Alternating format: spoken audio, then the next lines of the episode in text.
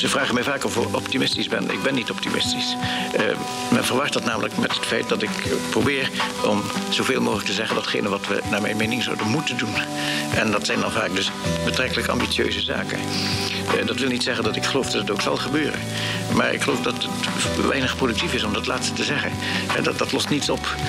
Terwijl misschien als je beklemtoont wat moet gebeuren, dat je dan helpt om een oplossing tot stand te brengen.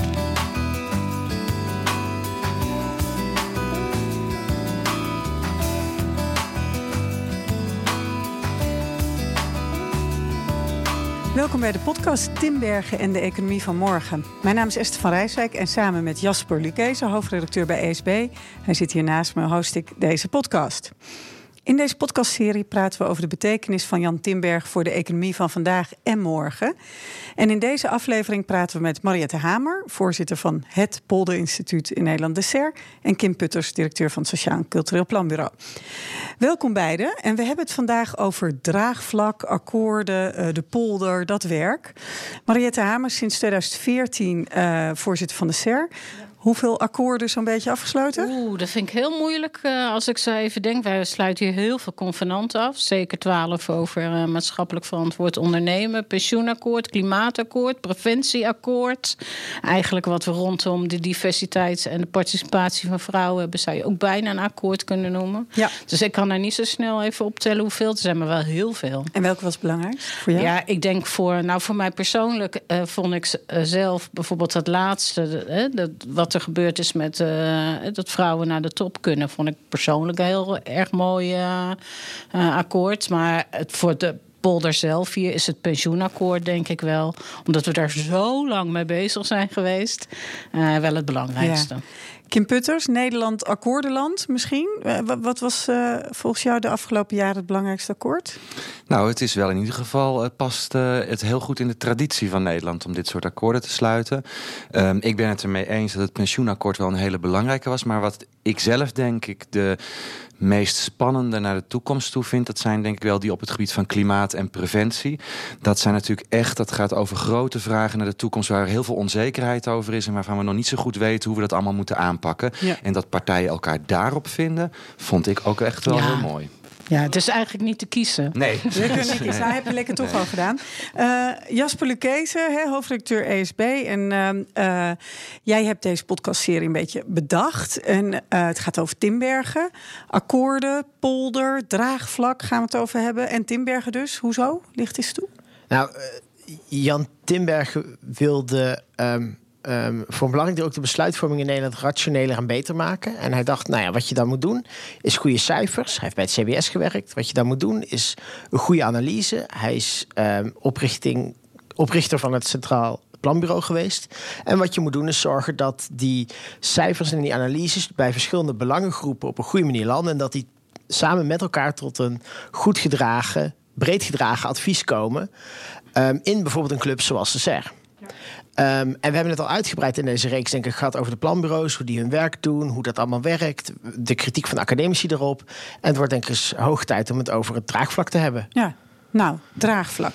Ik ga even terug. Hij heeft ook in de SER de, ja, want ja, heel actief geparticipeerd. Nou, nee, maar sterker nog, ik las ergens dat hij uh, de SER ooit een experiment noemde. Ja. Kan je, Mariette Hamer? Wat, ja, 70 jaar al.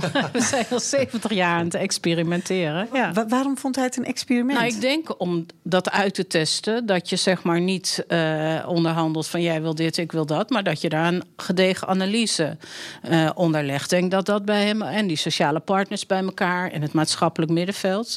Ik denk wel dat we anno nu weer ook weer aan het experimenteren zijn. Maar een stapje verder dan in de tijd van Timbergen. Want, wat nu dan? Wat voeg je toe? Nu? Nou, omdat we nu veel meer bezig zijn met dialoog. Na de analyse maatschappelijk draagvlak krijgen... en dan eigenlijk pas de oplossing. Oké. Kim Putters, jullie Ja, ik zat ook nog even na te denken. In de, in de tijd natuurlijk dat Tinbergen uh, nou ja, hiermee bezig was uh, na de Tweede Wereldoorlog. Uh, nou, dan vul ik het een beetje in. Maar kan ik me ook indenken dat je ook probeert om met onafhankelijke kennis, maar ook draagvlak in de samenleving, ook een soort tegenwicht aan sterke politiek te geven. In, vanuit de opvatting dat dat ook goed is voor de samenleving om niet alleen maar politiek te bedrijven, maar ze er ook bij te betrekken. En dat is eigenlijk wat vandaag de dag de SER nog steeds doet. Het is ook een manier om niet de politiek alleen maar alles te laten bepalen. Ja, uh, Mariette je hebt de achtergrond in de politiek. Hè? Je hebt mm -hmm. heel lang in de Tweede Kamer gezeten, ja. sinds tussen 1998 jaar, ja. en 2014. Um, wat, en de politici, dat gaat toch vaak meer om de verschillen duidelijk maken. Uh, denk ik, zo zie ik dat een beetje. Misschien uh, als er echt gedeeld wordt in de kamertjes, dan, wordt, dan, wordt het, dan zoeken jullie elkaar weer op. Maar nu gaat het om dat verbinden. Wat, ja. wat, is, het, wat is? Nou ja, kijk, uiteindelijk gaat het ook in de politiek uiteindelijk om 76 zetels halen, zeg ik altijd. Of liever meer, maar in ieder geval. En dus er zit ook wel een beweging in de politiek achter dat je draagvlak moet creëren voor je eigen voorstellen. Dus het is niet alleen maar verschillen. De, de buitenkant van het spel is het verschil. Waar staat welke partij voor. Maar de binnenkant, hè, wat er in de politiek gebeurt, gaat natuurlijk heel erg sterk toch uiteindelijk om draagvlak voor mekaars voorstellen vinden. Uh, hier gaat het eigenlijk nog een stap breder. Want het gaat niet alleen om die politieke partijen met die duidelijke opvattingen. Uh, maar het gaat ook om, nou ja, wat is nou precies een probleem? Wat, uh, hoe moeten we daarnaar kijken? Wat gebeurt er internationaal? Het dus voordat wij eigenlijk aan de fase toe zijn van waar je in de politiek begint, is er een, ja, en eigenlijk een heel spel aan vooraf. Waarbij wat interessant is in dit huis, dat er eigenlijk we beginnen met partijen die vaak tegengestelde belangen hebben. En de kunst wat wij hier proberen te doen, is te zorgen over die tegengestelde belangen ja. heen te komen. En gezamenlijk op te treden naar de politiek, uh, de burgers, andere ja. partijen. En dat lukt alleen als je dan dat draagvlak onderling in elk geval geregeld hebt. Kim Putters, uh, je bent behalve uh, directeur van het Sociaal Cultureel Planbureau sinds 2014 ook hoogleraar beleid en sturing van de zorg hè, aan de Erasmus Universiteit Rotterdam, dus wetenschapper, socioloog. Uh, je schreef vorig jaar het boek Veenbrand over ongenoegen, ontevredenheid en de gevolgen van sociale ongelijkheid. Waar zit dat ongenoegen? Ja, het is wel goed om misschien even als tegenhanger te zeggen dat er ook heel veel tevredenheid in Nederland is.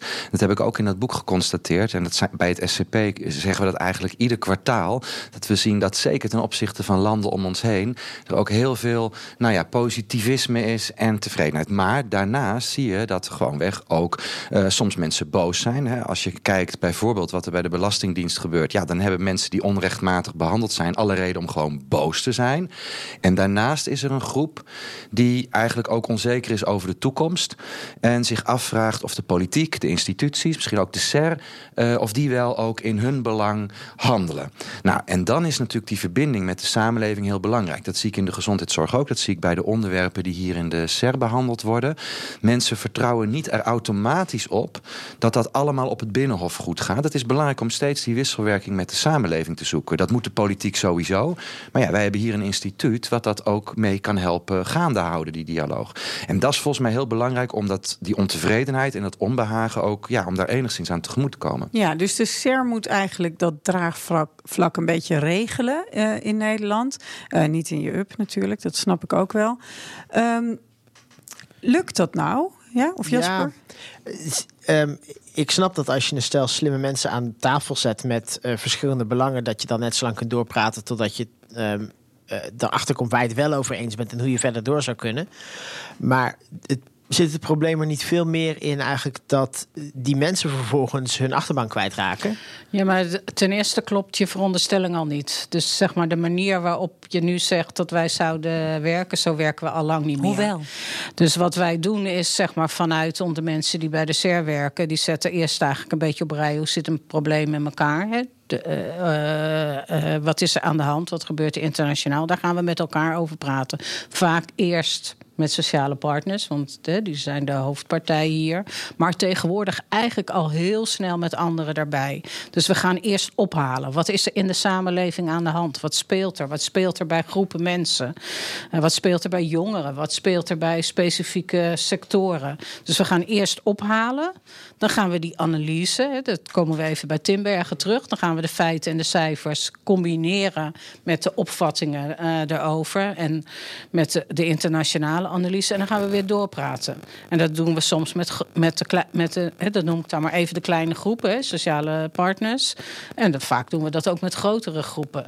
Dus die hele methode. Hè, dus je, mensen zeggen vaak: je, je hebt een instituut. En dan moet ik altijd een neiging om me heen te kijken: van wie is het instituut, zal ik maar zeggen. Waar zijn ze? Wij zijn veel meer. Ja, het klinkt een beetje raar, maar een soort maats, ja, een huis, een maatschappelijke plek waar een beweging op gang komt. Kijk naar het klimaatakkoord met hoeveel partijen dat hier in huis tot stand is Ja, maar dat was dan weer niet typisch een SER-akkoord, ja, toch? Of wel? inmiddels typisch een SER-akkoord. Qua werkwijze in elk ja, geval. Ja, ja en misschien... ook qua onderwerp. Dus, um, he, dus die duurzaamheid die staat overigens ook al sinds de tijd van Timbergen in onze doelstelling.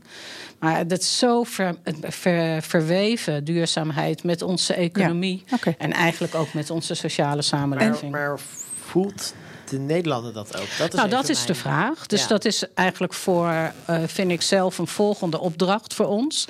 Dus we hebben de werkwijze hier in huis met het veel meer betrekken van partijen echt veranderd en verbreed, zal ik maar zeggen.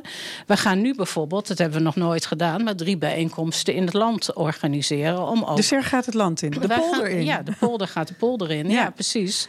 Om om meer mensen bij dat proces te kunnen betrekken. Ja, want je, zoals je het net schetste, is dat eigenlijk de, de eerste stap zelfs.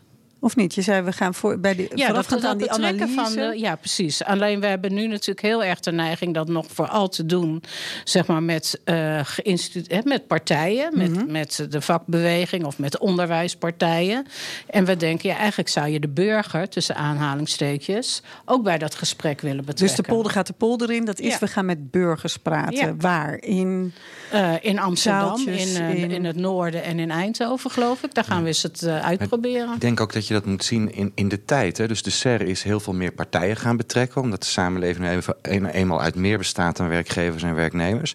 Tegelijkertijd zijn al die organisaties ook op allerlei nieuwe manieren bezig... om hun achterbannen te benaderen en om burgers te consulteren. En dat is iets wat zich volgens mij voortdurend ontwikkelt. En dat een politieke partij moet dat vandaag de dag doen. En de SER moet dat vandaag de dag ook doen. Dus daar zie ik niet zozeer een tegenstelling... als wel dat het zich ontwikkelt. En ik denk als het om die achterbannen gaat... dat er wel iets anders aan de hand is. Volgens mij zouden we uh, wat vaker hardop moeten zeggen wat de waarde hiervan is, zodat mensen dat ook meekrijgen. Want het is wel zo dat ja, we leven in een land van polarisatie. Meningen staan snel tegenover elkaar. En als je of je dan de waarde van het compromis nog blijft zien, dat is maar de vraag. Dus ik krijg, hier in de politiek hoor je heel vaak dat als na een verkiezing uh, partijen met elkaar onderhandelen, dat een compromis kiezersbedrog is. Maar dat is natuurlijk raar, want de kern van ons systeem is dat we bij elkaar komen en dat er zoveel zoveel mogelijk belangen meewegen. Wij zijn niet een Amerikaans systeem waarin de winner takes it all. En dat is van waarde voor onze samenleving. En volgens mij doet de SER dat. En dat doet ook de Nederlandse politiek. Alleen dat zouden we wat mij betreft wel eens wat vaker hardop mogen zeggen... dat dat van enorm grote waarde is. Wie moet dat hardop zeggen? Nou ja, wij. Wij doen dat nu denk ik hier. Ja. Maar ik vind ook politie. Dus ik vind ook dat na verkiezingen...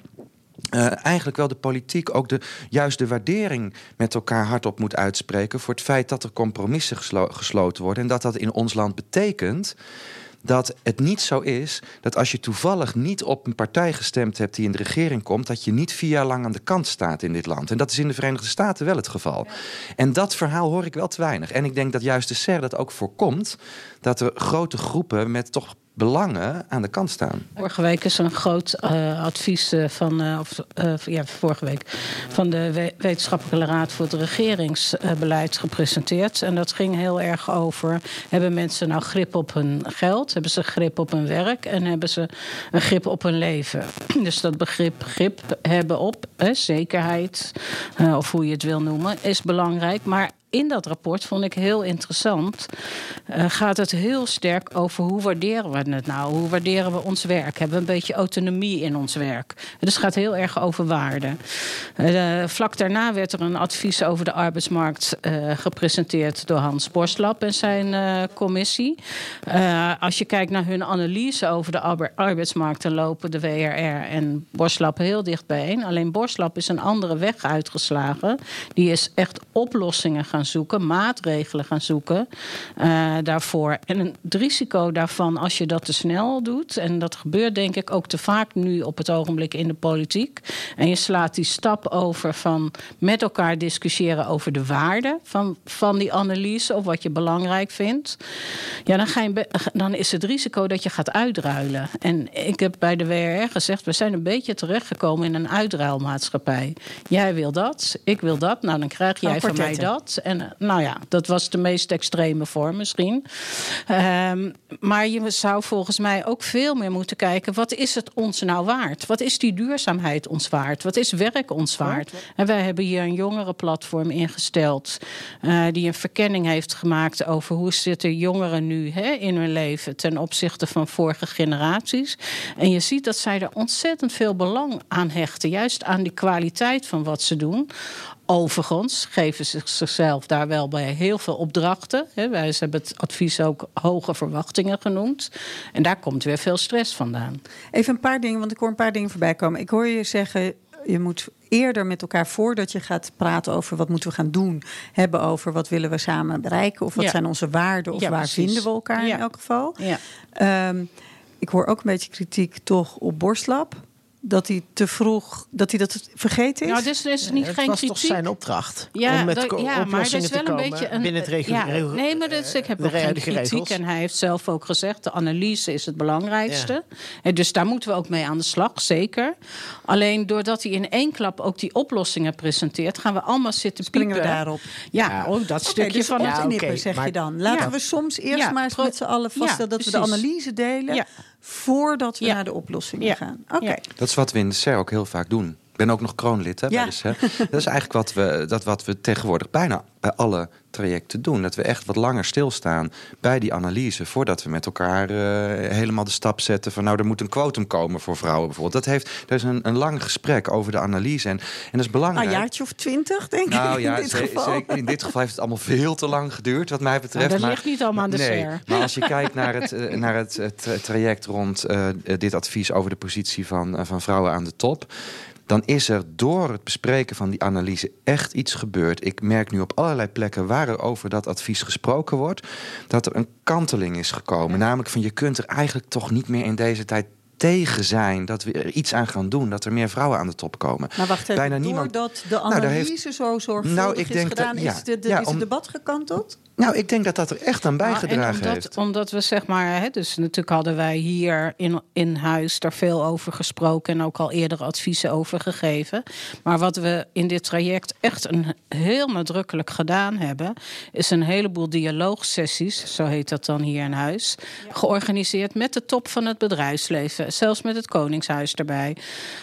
Dus, en, en daardoor ontstond er tijdens het maken van de oplossingen al consensus over wat die oplossingen ja, het wordt, Ik word er ook een beetje weeg van, ah, Jasper. we zetten iedereen aan tafel en dan gaan ze elkaar wel begrijpen. Als we nou maar zorgen dat ze het nog niet gaan hebben over wat we moeten gaan doen, want dan gaan ze meteen roeien. Ja. Nou, dat zeg ik niet. Dat nee, je nee, niet nee. moet hebben over wat je gaat doen. Nee, maar ik proef wel eerst die nou, samen maar, maar, maar, ja, precies. Het, een beetje, het is meer een glijdend proces. Maar het belangrijkste punt wat ik wil maken... is dat, het, dat je ook overeenstemming krijgt over hoe belang, welke waarde geven we eraan. Uh, laat ik het op een andere manier formuleren. Want ik heb, ik heb grote bewondering voor hoe jullie dat hier doen. Um, maar ik kan het nooit zo goed uitleggen. Um, de, ik snap politiek, want dat is gewoon... mensen vinden dingen, als je dat dan ook vindt... dan stem je daarop en dan gaan ze dat vervolgens doen. En dat je op meerderheden wat moet uitruilen, oké, dat, dat begrijp ik. Ik kan het Tim Bergiaanse verhaal vertellen... Hè, dat je hier um, op basis van analyse tot een gezamenlijke analyse... tot een gezamenlijk breed advies kan komen. Um, maar ik snap niet zo goed hoe je, als je dat advies dan hebt, uh, hoe dat dan voldoende draagvlak heeft vanuit mijn perspectief even gezien. Um, ik had wel gehoord dat de SER bezig was met een traject uh, rondom meer vrouwen in de top en dat daar wat zou moeten gebeuren. Uh, dat jullie vervolgens twintig ronde tafels hebben georganiseerd met het Koningshuis erbij. Dat was eerlijk gezegd helemaal langs me heen gegaan. Dat kan aan mij liggen. Um, um, en dan zie je zo'n advies langskomen. Dan denk je, nou ja, kan me er in principe wel in vinden. Maar van wie is dit nou en hoe zit dat nou? Het zal wel dat, even gechargeerd gezegd, dat is dan de um, perceptie of ervaring die ik heb als ik naar zo'n advies kijk. Eh, terwijl de politiek zegt gewoon, ja, dat is een plan, we willen dit doen. En dan is het, die man heeft dit bedacht en daar hebben mensen op gestemd. En dan is dat... Ja, het En dan feit gaat dat meestal niet zo. Nee, oké, maar dan Maar is het hoor wel... in- Maar dan zeggen Nee, dat is helemaal niet inzichtelijk. Nee, maar kijk hier, nou, dat is hetzelfde met, met, met klimaat en met pensioenen. Maar dit, is wel een mooi, dit, dit van die vrouw is wel een mooi voorbeeld. Want er is natuurlijk ongelooflijk veel over gediscussieerd. Ik kan me ook bijna niet voorstellen dat je gemist hebt. Maar goed, Nee, eh, ik- wil nee, ik best geloven Nee, hoor. sorry. Ik heb helemaal dat- niet gemist dat, er over gediscussieerd is. Ik heb gemist dat er een discussie bij de SER over was op, met zoveel verschillende tafels. Oké, nou daar is ook over geschreven, zelfs Ja. door de Telegraaf, eh, zou ik bijna Ja, zeggen. excuses, dat ligt aan mij dat en- mijn beperkte- Nee, joh, ik maak een grapje. Ja, nee, maar sorry Maar dat, dat, dat, misschien moeten we dat nog meer in het openbaar doen. Soms moet je, heb je ook tijd nodig om met groepen waar je mee in gesprek bent dat binnenshuis te doen. Maar, wat, maar dat de, de gedachtegang dat eigenlijk ons advies klaar is op het moment dat we het aanbieden, dat is niet meer zo. Want daarna is eigenlijk met dat ons, ons advies, dat hele debat, in de politiek doorgegaan. Ook al een beetje gevoerd dan. ja, precies. Dus, dus in die zin is dus het een kans- door. En dat, daar zijn wij ook bij betrokken geweest. Ik weet niet hoeveel hoorzittingen ik in de en Kamer dus, heb hoor ik gehad. je zeggen, is de kans dat er dan volgens ook echt iets mee gedaan wordt, is toegenomen. Is groter, ja, precies. Kim Butters, want even toch... Dat eh, onderschrijf ik overigens hoor, maar... ja, jullie fitty over of jij wel of niet een telegraaflezer Maar- maar- bent, die laten we even. Mag, mag ik daar wel nog iets over Ja. zeggen? eh, Vanuit wat ik vanuit het SCP-onderzoek zie. Want ik begrijp wel die, dat beeld van zowel de polder als de politiek. van dat het eh, erg op uitruil van eh, belangen of standpunten gaat. Ik zie wel dat steeds meer mensen er ook een beetje moe van worden. alsof we in een voor- en tegen-samenleving leven. Dus je moet voor of tegen klimaatbeleid zijn. Voor of tegen Europa. Voor of tegen Zwarte Piet. Ehm, het punt is dat bijna iedereen ergens in het midden zit. En mensen heel veel begrip hebben voor het feit dat het niet om extreme gaat. En mensen vinden het in de politiek wel leuk om even te zien op Den Haag vandaag. Maar ze draaien zich om en ze zeggen tegen ons van... nou ja, hoe ze daar nou toch met elkaar rollenbollend over straat gaan. Dus ik geloof er eigenlijk in dat we dat een beetje aan het, ons, ach- achter ons aan het laten zijn. En dat er behoefte is juist aan het zoeken naar ja, de middenweg. Dat denk ik echt. En dat mensen daar dat ook aangeven. Oké, en dat kan dan door eh, in dat hele traject iedereen mee te nemen. Want zo noem ik het dan maar even. Iedereen om de tafel, af en toe koning erbij. Dat helpt blijkbaar. Ehm, maar even toch, want die buitenwereld, die ziet. Ik denk dat dat het punt was, een beetje wat Jasper net maakt. Die buitenwereld ziet toch niet per se al die tafels. Ook niet als het uitgebreid in de krant staat. En als ze dat wel zien, dan denken ze nog steeds: ik zit niet aan die tafel. Ehm, dus wat hebben we nou? Jullie gaan het land in, dus ook duidelijk. De polder gaat de polder in. Zijn we er dan? Ehm, kijk, volgens mij, uh, je ziet dat uh, zeg maar het opleidingsniveau in Nederland uh, blijft stijgen. de technologische ontwikkelingen nemen toe. Dus mensen hebben ook veel meer mogelijkheid om invloed uit te oefenen, om informatie tot zich te nemen. Dus alleen al die grote trends van opleidingsniveau, demografie en technologie, die maken dat er steeds meer behoefte is om op de een of andere manier mee te praten en inbreng te leveren. Daar zal de SER op moeten gaan inspelen. En dat, dat zal nog veel meer moeten waarschijnlijk naar de toekomst toe, net zo goed als de politiek dat moet doen. Tegelijkertijd.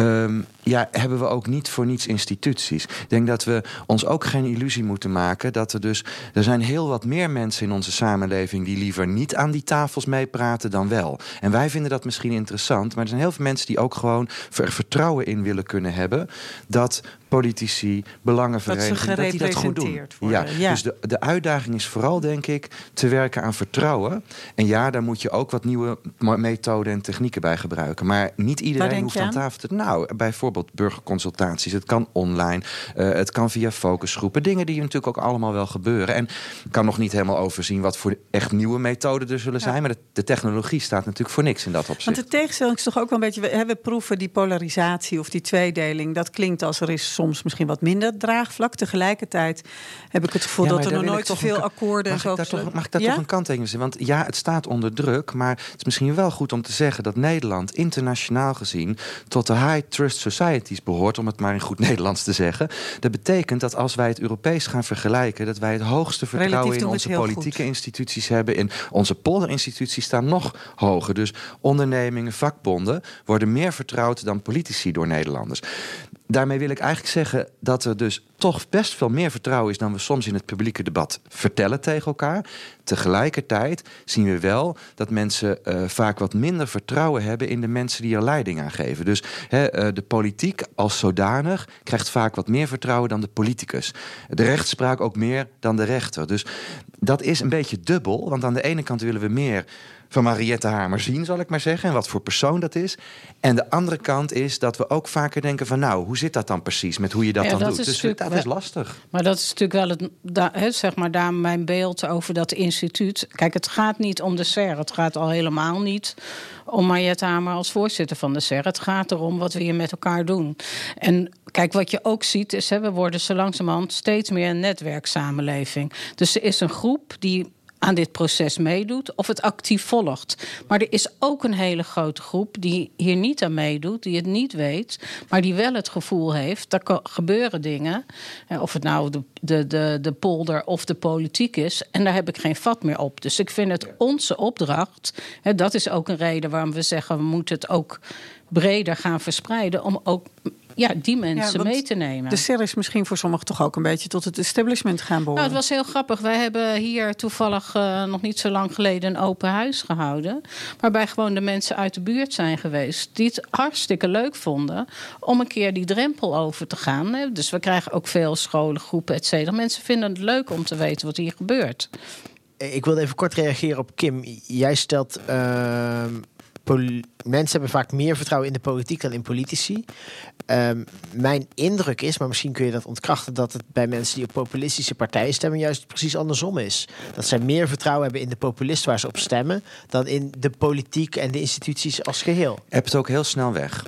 Uh, maar het klopt wel dat natuurlijk er is ook een groep in de samenleving ook gevoelig voor mensen die daar een goed, woord aan het onbehagen geven. Dat is, dat, dat is waar. En dat is ook van alle tijden. Hè. Dus wat ik eigenlijk probeer te zeggen is dat we, we wel wat vaak zeggen dat we in zulke bijzondere tijden leven, terwijl we dit ook in de jaren 70 hebben gehad, et cetera. Ik wil dus niet ontkennen dat er wel degelijk onbehagen is in de samenleving en dat inderdaad sommige partijen daardoor opkomen en dat, dat, dat de achterbannen daarvan niet automatisch vertrouwen hebben in bijvoorbeeld Maar- instituties zoals de SER. Dat is ook zo. Maar ik denk dat we wel een beetje, we hebben ook heel erg de neiging om in dit soort schablonen te denken. Ik vond het interessant om gisteren te horen dat juist bijvoorbeeld hè, bij eh Forum, hè, waar iedereen denkt het gaat om Thierry Baudet, opeens heel veel leden zijn. Dus mensen willen op een of andere manier toch ook bij zo'n beweging eh, horen. Dus er zijn, denk ik, verschillende, hè, de- verschillende stromingen aan de gang. Wij zien dat met die jongeren, daar ben ik heel echt door verrast. Wij zijn dat jongerenplatform begonnen. Zoveel jongeren willen met ons meedenken. Of het nou via internet is, of live, of wat dan ook. Hoogopgeleide jongeren? Nee, niet alleen. Dus daar zitten ook de MBO-jongeren bij. Daar zitten allerlei soorten jongeren bij. Ik, ik wil graag even naar een ander onderwerp. Je hebt op, eh, of een aanpalend onderwerp eigenlijk. Je hebt op 15 ehm, eh, oktober bij ons, eh, of hier in huis eigenlijk, bij een event gesproken. En heb, Mariette heb je het gehad over maatschappelijk verantwoord argumenteren. Ehm, Dat zouden we vaker moeten doen, was dat, de zouden, we- dat zouden we vaker moeten doen, was de boodschap. Die heeft in ieder geval bij mij op de redactie, die oproep, best wel wat discussie losgemaakt. Ehm, omdat onmiddellijk de vraag opkwam: wie bepaalt nou eigenlijk het kader van het, wat is nou maatschappelijk verantwoord? Wie bepaalt dat kader? En wie bepaalt dan eigenlijk de feiten? Nou, het was die, die middag wel een beetje bedoeld om de discussie op gang eh, te brengen. Dus dat is mooi dat het gelukt is. Maar waar het mij om ging die middag, ging het ook heel erg sterk over. eh, omdat het gerelateerd was aan, aan dat verhaal van Timberger. Zijn de feiten de feiten nog wel? Eh, en onderbouwen we ons eh, verhaal wel goed genoeg? En wat ik er eigenlijk mee bedo- bedoelde is, voordat we nou een stelling de wereld inbrengen, weten we dan precies welke stelling eh, we de wereld inbrengen. En hebben we daar goed eh, over nagedacht. Dus dat is één kant ervan. En ik denk niet dat er iemand is die dat kader kan bepalen. Dat bepaal je uiteindelijk als je aan het argumenteren bent eh, zelf of met een groep met wie je bezig bent. Maar er zit, zat ook wel een beetje die opmerking onder waar ik het net over had. Dat zeg maar, hè, die, die, dat, dat veel meer filosoferen en praten en denken vanuit welke waarden zien we nou eigenlijk aan wat we doen. Dat ik geloof dat dat echt een nieuw element is. We komen toch een beetje uit een samenleving waar we snel naar het resultaat willen. Dat we snel een oplossing zoeken. De wetten buitelen om elkaar heen. De arbeidsmarkt is een goed voorbeeld. Onder Lodewijk Asscher, de WWZ, onder eh, Wouter Koolmees, eh, de WAP. We zijn nu een maand in, uh, aan de gang. En Borslap heeft alweer andere voorstellen. Dus het buitelt maar over elkaar heen. En een pleidooi voor langzamer, rustiger, Nou, in ieder geval ook eens wat uitproberen. Met elkaar inderdaad goed praten over wat willen we nou precies? Dingen de tijd geven, experimenteren. Maar als je dit eh, op de arbeidsmarkt, dus het voorbeeld even doortrekt, um, kijk naar welke waarden zien we nou eigenlijk. Je ziet dat achtereenvolgende ministers en commissies worstelen met hoeveel ruimte geven we flexibiliteit versus hoeveel zekerheid willen mensen. En daar maken ze allemaal net andere keuzes in, proberen ze de wetten wel anders op in te richten. Maar dat zijn wel de onderliggende waarden en die komen telkens terug. Maar omdat we dat debat dus niet, niet zeg maar diep genoeg doorvoeren dat debat, eh, dus dat zou je maatschappelijk verantwoord argumenteren kunnen noemen. Gaan we steeds over naar een snelle oplossing. Maar dan toch even dit voorbeeld. Dus daar staan de waarden, zekerheid en flexibiliteit tegenover elkaar. Ja. Daar kan je heel lang over lullen. Daar word je het niet over eens. Nee, precies. En dat vond ik zelf het mooie aan dat rapport van het WR. Want die koos een hele andere invalshoek. Die zegt nou, het gaat mensen niet zozeer om flexibiliteit. Maar het gaat eigenlijk mensen veel meer. Heb ik iets te zeggen over het werk wat ik doe? En kan ik op een bepaalde op een bepaalde manier gelijkwaardig met mijn baas daar een bijdrage aan leveren. En dan krijg je een heel ander debat. Okay, en dan komt tot flexibiliteit ook in een ander context te staan. Want, en, en hoe uh, ga ik even naar Kim Putters toch? Want dit snap ik, hè? langer praten. Nog beter afvragen welke waarden hebben we het dan echt over. Want we dachten dat we het over flexibiliteit hadden, maar eigenlijk hebben we het over autonomie. Um, hoe passen akkoorden daar dan in? Want dat zijn ook een beetje ja, in beton gegoten afspraken soms, of niet? Bieden die genoeg flexibiliteit?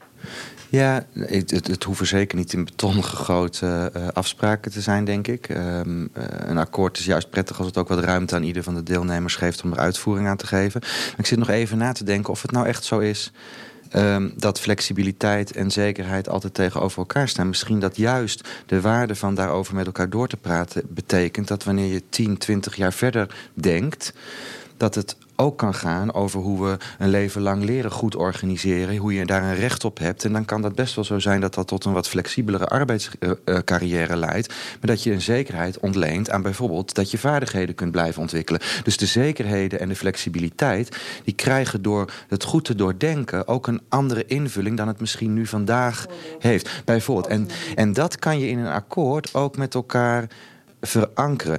Want eigenlijk dacht ik daarnet ook uh, van nou maatschappelijk verantwoord argumenteren. Misschien is het maatschappelijk verantwoorden wel de uitkomst. Niet zozeer het kader vooraf, maar dat wat je in het akkoord met elkaar vastlegt. Dus, dus dat is het maatschappelijk verantwoorden. Dat heb je dan met elkaar gedefinieerd. Vraag ik toch even aan de politicus Mariette Hamer.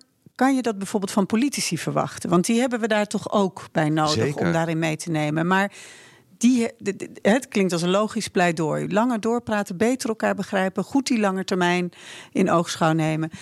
Maar we hebben bij arbeidsmarkt gezien hoe, hoe, fijn politici het vinden om te blijven staan met hun hakken in het zand. Van dat is flexibel en dat willen we niet. Ja, maar eerlijk gezegd denk ik wel dat ook de politiek in die zin aan een nieuwe werkwijze toe is. Uh, want anders blijf je alleen maar jezelf profileren op zeg maar dat het laatste beetje inhoudelijke verschil, zou ik maar zeggen. Uh, en je ziet dat het niet meer werkt. Kunnen ze dat? Vraag ik nou, dat, aan een oud politicus. Nou, misschien moet, als wij kunnen veranderen bij de SER, dan kan de politiek het zeker. Daarbij vind ik het ook niet een autonoom proces. Kijk naar het klimaatakkoord. He, daar, is, daar heeft de, politiek, eerste energieakkoord werd hier in huis gemaakt zonder uh, direct. Overigens heeft de minister daar wel aan meegedaan destijds, maar, maar zonder aansturing door het kabinet. Nu is het met het kabinet uh, gebeurd. Dus dus ik denk dat je met elkaar in een, beweging zit. Alleen dit debat wordt scherper, denk ik, hier in huis gevoerd over de methode dan in de politiek. Maar wordt de politiek niet voor een heel belangrijk deel gedreven door uh, uh, zeg maar electorale belangen? Dat sommige politici hebben gewoon eh, willen gewoon herkozen worden. En dan heeft, is het gewoon een beter idee om een stevig verhaal te hebben, hakken in het zand te zetten, dan om mee te werken aan een compromis Ja, wat je daarom denk ik dus uitleggen. dat je met elkaar, dus niet alleen de politiek, ik denk eerlijk gezegd ook eh, de journalistiek, dat je met elkaar eh, moet kijken van is de manier waarop we nu bezig zijn eigenlijk nog wel interessant voor eh, wat mensen eh, willen. Ik vind dus bijvoorbeeld de opkomst van de podcast, waarin we langer de tijd nemen voor een gesprek, vind ik als het ware een soort tegenhanger in de media. Nou, we zijn bijna klaar hoor. Nee, maar- maar, nee, maar het ik meen dit echt serieus. Ik vind het een mooie manier, hè, want je hebt weer meer tijd om met elkaar te praten. Niet die snelle quote. En er is dus behoefte aan. Hè, dus dat vind ik een vernieuwing, in de om het zo maar te zeggen, in de media. Ja. Dus ik denk dat er overal, ik denk ook als je naar de politiek gaat kijken, er zijn overal van dit soort processen aan de gang. Ja, kijk, mijn, mijn advies aan de politiek, maar je kan me naïef noemen dat ik dit nu ga zeggen. Mijn advies zou zijn om na de volgende verkiezingen echt een regeerakkoord op hoofdlijnen te maken. Het niet dicht te timmeren, maar met elkaar na te denken wat een aantal eikpunten voor de samenleving in de komende tijd zijn. Zodat je daar, daarna mogelijkheid houdt om niet alleen de dialoog met de Kamer breed aan te gaan, maar ook met de samenleving en ook met de SER. Dat is erg lastig als je het helemaal dicht timmert. En dat zou wel verfrissend zijn. Want ik denk dat het echt een doodlopende weg is om politiek te bedrijven op de manier zoals het nu gaat met dichtgetimmerde regeerakkoorden. Maar dan krijg je dus akkoorden. Ja, Dan ik krijg wou je net akkoorden. zeggen, dan hebben we een heel breed open Ja. eh, eh, coalitieakkoord. En dan bellen ze hier aan bij Mariette Hamer van... nou, deze moeten we allemaal even gaan invullen. Kun je even de akkoorden gaan Ja, regelen? precies. Maar dat is natuurlijk het leuke aan die akkoorden. hè. Dus die akkoorden zijn eigenlijk een, een, een afspraak waar je met elkaar aan gaat werken. Hè, dat klimaatakkoord, misschien komen we er over twintig jaar achter dat we, hebben, dat we andere dingen hebben gedaan dan we nu hebben bedacht. Omdat er veel meer mogelijkheden zijn om dat te doen. Maar we hebben wel met elkaar nu een hele duidelijke afspraak, zowel de politiek als de maatschappelijke partijen, om aan dat doel te werken. Is het klimaatakkoord dan dus een succes? Kunnen we dat al zeggen? Ik snap wel dat het een succes is, dat er eindeloos en iedereen betrokken en er is iets uitgekomen. Nou, het is een tussenstap. Ik zou zeggen, het wordt pas echt een succes als mensen met elkaar Als daar het aan het werk gaan. Maar het is wel een hele belangrijke stap dat zeg maar je dit in een relatief open proces met elkaar hebt gedaan.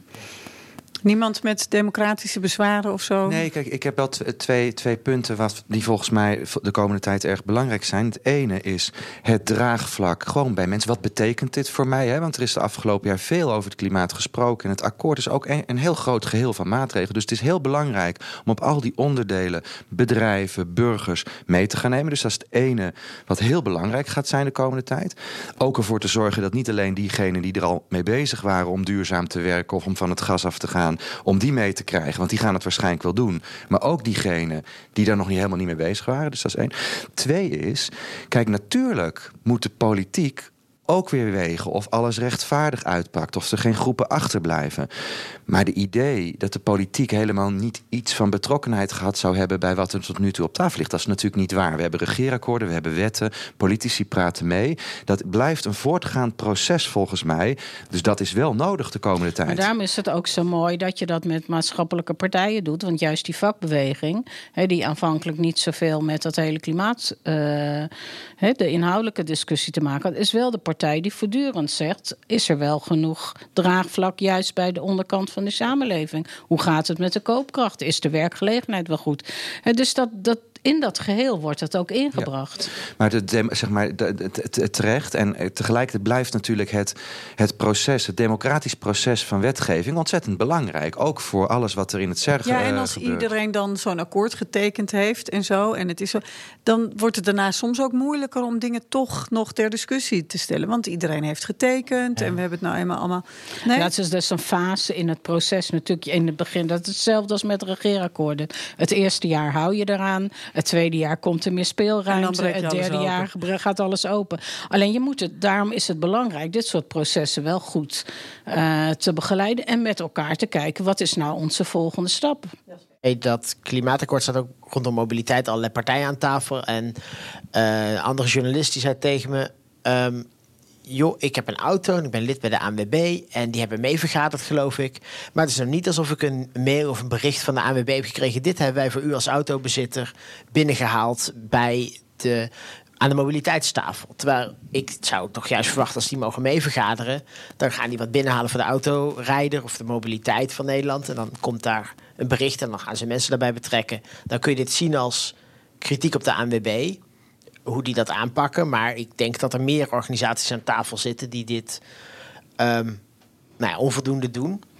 Um, nou ja, kijk, de partijen die van oudsher hier in huis zijn, hè, vakbeweging, werkgevers, die zijn natuurlijk voortdurend in, in gesprek met hun achterban. Want dat is ook vaak waarom processen hier stoppen, omdat de achter, ze dan eerst naar een achterban terug moeten. Uh, in die zin is dat klimaatakkoord natuurlijk dat is ook experimenteren. Want ja, een ANWB is dat een ledenorganisatie of is het een belangenorganisatie. Maar vanuit de organisatie van het klimaat uh, akkoord zelf is er dus wel heel veel voorlichting uh, en informatie naar burgers gegaan. Maar daarom is het zo'n interessant proces, omdat hier politiek ja. legitimatie en partijen nou ja, samengaan. En ga er maar aan staan, want ik, je zal maar de ANWB zijn. En ik hoor jullie ook zeggen, je moet iedereen betrekken, je moet ook uitleggen. Um, maar een akkoord is natuurlijk nog geen verhaal. En je zult maar uh, daarna als ANWB moeten gaan uitleggen aan je leden dat dit een heel goed akkoord is.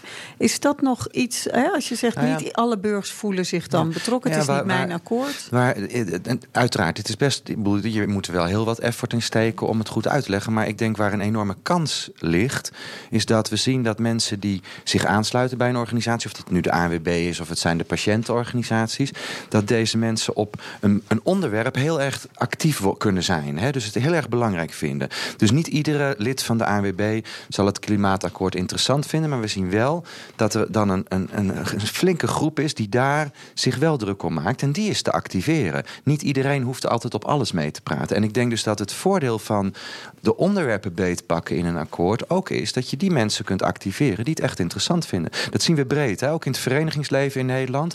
Mensen geven minder onvolwaardig steun voor langere tijd aan een organisatie, maar wel op onderwerpen steeds meer. Dus dat is ook een kans. Ja, we zijn de polder een beetje opnieuw aan het uitvinden. Wat kunnen we concluderen dat we dus eigenlijk aan het doen zijn als het om dat draagvlak gaat? Ja, wij hebben zelf, hè, ons slogan was het uh, denkwerk voor draagvlak. En daar hebben wij uh, twee jaar geleden van gemaakt, geloof ik, of drie jaar geleden. Denkwerk voor draagvlak door dialoog. En ik denk dat die toevoeging door dialoog, dat dat gewoon een hele uh, belangrijke is omdat ja, we inderdaad op de zoektocht zijn bij mondige burgers. Uh, maar aan de andere kant een netwerksamenleving waar je makkelijk aan de verkeerde kant van hè, wat de jongeren dan bij ons noemen een onzichtbare muur terechtkomt. En je niet zeg maar de handvaten hebt om mee te doen. Dat we ons steeds verantwoordelijk moeten voelen hoe we de mensen daarbij uh, betrekken. En ook zeg maar aan de ene kant natuurlijk hier in huis sociale partners met hun eigen achterban, maar ook breder dan dat. En als je nou los kijkt van uh, de huidige structuren en van de huidige kaders en zeg maar 20 jaar naar de toekomst kijkt, jouw opvolger of opvolgster, hoe, um, um, wat voor ser heeft die? Oeh, dat is moeilijk om te zeggen. Want dat komt natuurlijk. te zeggen in de maatschappij nou ja, dan? ik hoop dat wat ik hoop. Ik, ik heb geen glazen bol, maar ik hoop wel dat juist deze plek uh, en dat zal misschien ook meer met internet gaan en meer met andere instrumenten. Maar ik hoop wel dat er een plek is, en, want daar is Nederland zo bijzonder om, waar dingen samenkomen, waar mensen zeg maar toch hè, een gezamenlijk debat kunnen voeren en met elkaar de betrokkenheid hebben om te kijken hoe gaan we problemen oplossen. En terug naar wat ik net zei. Ja, ook van wat is, zijn de dingen ons waard? Dat is uiteindelijk het gesprek wat je met elkaar wil voeren. Ja, nou ja, kijk, ik denk dat wij de traditie uh, van het overleg, consensus en compromis steeds opnieuw aan het uitvinden zijn. Het is eigenlijk, wij hebben afgelopen jaar als SCP onderzoek gedaan naar de Nederlandse identiteit.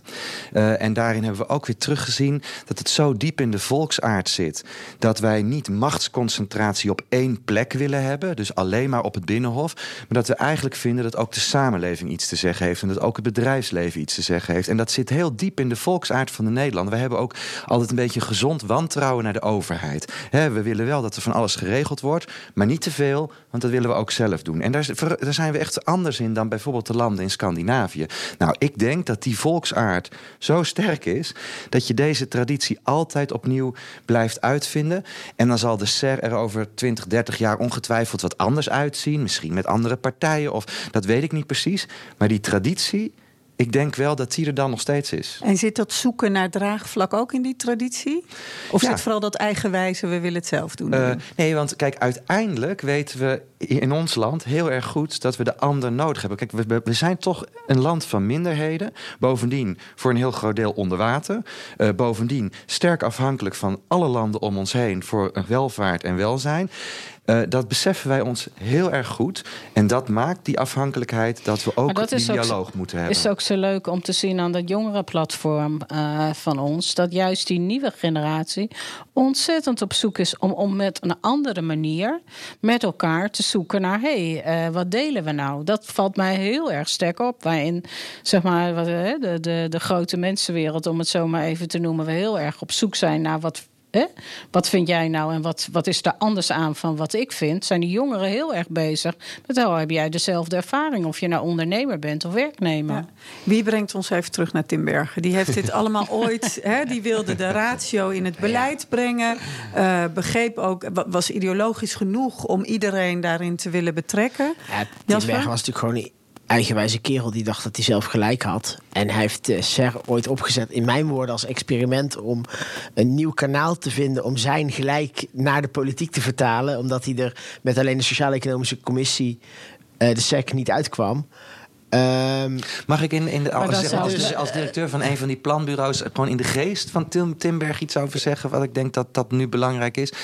Ehm, ik denk dat er heel veel behoefte is aan feiten, cijfers, duiding... van ontwikkeling in de samenleving... waar mensen ook op kunnen vertrouwen. Zodat dat ook belangrijke onderleggers zijn... voor de dialoog, voor politiek en voor het zoeken naar draagvlak als je dan mij vraagt vanuit de planbureaus gezien, denk ik dat die waarde die Tinberg ingebracht heeft vandaag misschien wel, nou, minstens zo urgent is dan in Dat de tijd dat ook, hij maar- leefde. Dat denk ik ook, maar het beeldspraak van jou even te passen zou wel mooi zijn. Hè? Van een eigenwijze man naar een passievolle vrouw, zou ik bijna zeggen. en als we die stap weten te maken, dan eh, lijkt me dat wel mooi. eigenwijs Of een eigenwijze vrouw. Ehm, maar ehm, ehm, ja, dat is een instituut wat toen, wat, toen geschapen is door zo'n ehm, eigenwijze man. Dat heeft nu een, leidt nu een eigen leven. En heeft een hele eigen plek op de samenleving die, nou, ik vermoed hij nooit op die manier voorzien heeft. En zo zal dat ook in de toekomst wel gaan. Ja, zo zal het blijven. Ja, nou denk ik wel dat ook hij natuurlijk in die periode... het was natuurlijk ook wel de periode van eh, de naoorlogsperiode... van de opbouw van ons land. En dat, dat ook de, eh, de instelling van de CER natuurlijk wel degelijk onderdeel is geweest... van hoe je de samenleving zou kunnen structureren... om te voorkomen dat bepaalde belangen structureel aan de kant staan... eh, en om eigenlijk ja, voor langjarig bij te dragen aan, aan meer overleg en dialoog. Dus ik denk toch wel dat hij... Ik En weet niet...